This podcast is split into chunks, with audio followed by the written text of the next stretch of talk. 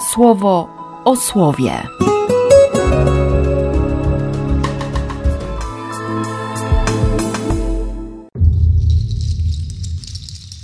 13 lipca, wtorek. Z Księgi Wyjścia. Pewien człowiek z plemienia Lewiego wziął za żonę jedną z córek Lewiego i żył z nią.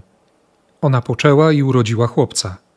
Ponieważ widzieli, że jest ładny, ukrywali go przez trzy miesiące. Kiedy nie mogli już dłużej tego taić, jego matka wzięła pleciony koszyczek, wysmarowała go mieszaniną asfaltu i smoły, umieściła w nim dzieciątko i zostawiła go w przybrzeżnych szuwarach rzeki. Czuwała nad nim z daleka jego siostra, żeby wiedzieć, co z nim się stanie. Przyszła wtedy nad rzekę córka faraona, aby się kąpać. W tym wyjściu nad rzekę towarzyszyły jej dwórki. Kiedy zauważyła w szuwarach koszyczek, posłała dwórkę, aby go wydobyła. Po otwarciu zobaczyła w koszyczku płaczące dziecko. Rozczuliła się nad nim córka faraona i rzekła: To z dzieci Hebrajczyków. Wtedy odezwała się do niej jego siostra: Jeśli chcesz, wezwę do ciebie jakąś mamkę spośród Hebrajczyków, ona wykarmi ci to dziecię. Córka faraona powiedziała: Idź.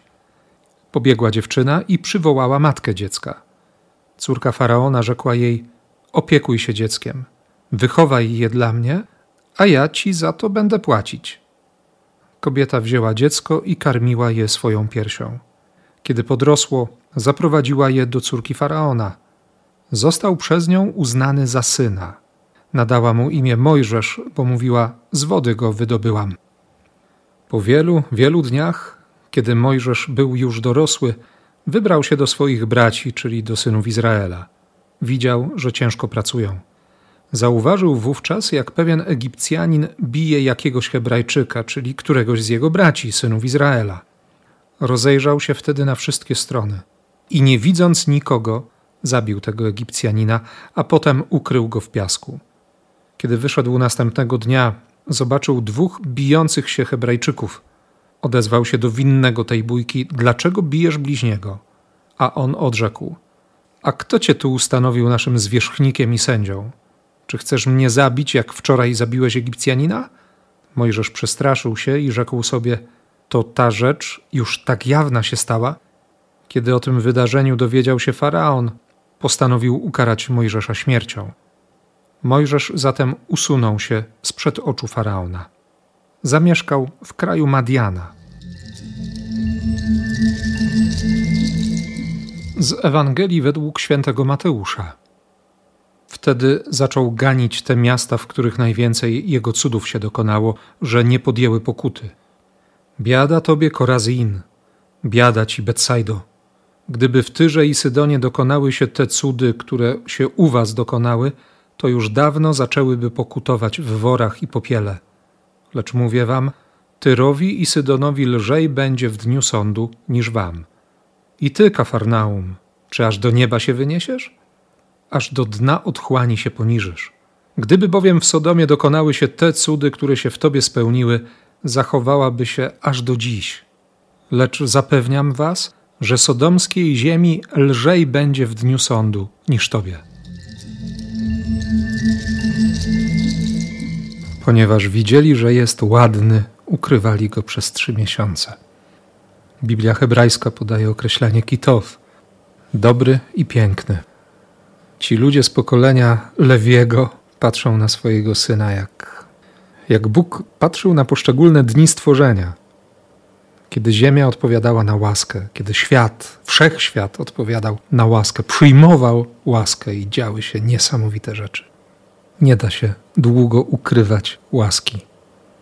Nie można długo ukrywać błogosławieństwa, tego co dobre i co piękne. Nawet na dworze faraona powinien pojawić się ktoś, kto jest dobry i piękny, kto będzie przypominał o tym, że wszystko jest w rękach Boga. Diabeł o tym wie i nie chce, żeby ktoś taki się pojawiał. Dlatego nawet będzie próbował odebrać mu znaczenie. Nazwą go Mojżesz, właściwie Mzes. Niekoniecznie chodzi o wydobycie z wody. Chodzi o bycie nie wiadomo kim. To może być taka pokręcona historia życia. że matka dostaje pieniądze za to, żeby wykarmić swoje dziecko i potem je oddać. Że córka faraona, która nie jest matką, będzie próbowała wmówić nieprawdę. To będzie historia pełna zranień. I Mojżesz ostatecznie będzie bronił się przed tymi zranieniami, jak tylko się da. Wystarczy zajrzeć do czwartego rozdziału Księgi Wyjścia. W czasie drogi na nocnym postoju przybył do niego wysłannik Pana i chciał go zabić. Bo w Mojżeszu było przekonanie, że, że musi uchronić swojego syna przed podobną historią, przed zranieniami. I nie było znaku przymierza, nie było obrzezania. Myśli mi trochę wybiegły w przyszłość, ale, ale wiem, że to jest dziś dla mnie bardzo ważne. Wiedzieć, że w moich zranieniach jest Pan, że w Twoich zranieniach jest Bóg że nawet jeśli historia dzieje się na opak, że tak wiele spraw, wydarzeń, rzeczy, pragnień nawet, tęsknot, kompletnie do siebie nie pasuje, to Bóg nieustannie patrzy na ciebie jak na jeden z cudów świata. I Biblia mówi, że nie ma możliwości, aby patrzył inaczej. To spojrzenie potrafi zmiękczyć serce córki faraona, żeby się serce rozczuliło. Ta troska nie pozwoli ci zginąć nawet wtedy, kiedy wokół siebie nie będziesz widzieć człowieka. Dwunasty werset drugiego rozdziału. Rozejrzał się wtedy na wszystkie strony i nie widząc nikogo, zabił tego Egipcjanina, a potem ukrył go w piasku. Nie widział nikogo. Być może wcale nie dlatego, że nikogo tam nie było, bo następnego dnia wszyscy wiedzieli, co się wydarzyło. Nawet faraon się dowiedział. Nie mieć człowieka to trochę tak jak ten chory na własną chorobę z Ewangelii Jana. 38 lat cierpienia. I na pytanie, czy chcesz odzyskać zdrowie, potrafi już tylko odpowiedzieć: Panie, nie mam nikogo, kto by mnie wrzucił, kto by mną rzucił. A Bóg nawet w takich sytuacjach nie pozwoli zginąć. O czym zresztą będziemy słuchać w kolejnych dniach. I czy wiedza o tym, świadomość tego, naprawdę prowadzi mnie do wiary? To jest pytanie, które, które wychodzi, które rodzi się z lektury pierwszego czytania i które staje się najważniejszym pytaniem dzisiejszej Ewangelii. Korazin czy Korozain, Betsaida, Kafarnaum. Cuda, cuda, znaki, błogosławieństwo, łaska i nie wiem, co mówi Tobie to słowo, ale mnie namawia do wyciągnięcia rąk do modlitwy o wiarę, do odważnego i szczerego stanięcia przed Bogiem i do autentycznej prośby o pokorę, o prawdziwe spojrzenie, o spojrzenie prawdy, żeby się nie bać historii, którą mam za sobą i nie mieć lęku wobec historii, która jest przede mną.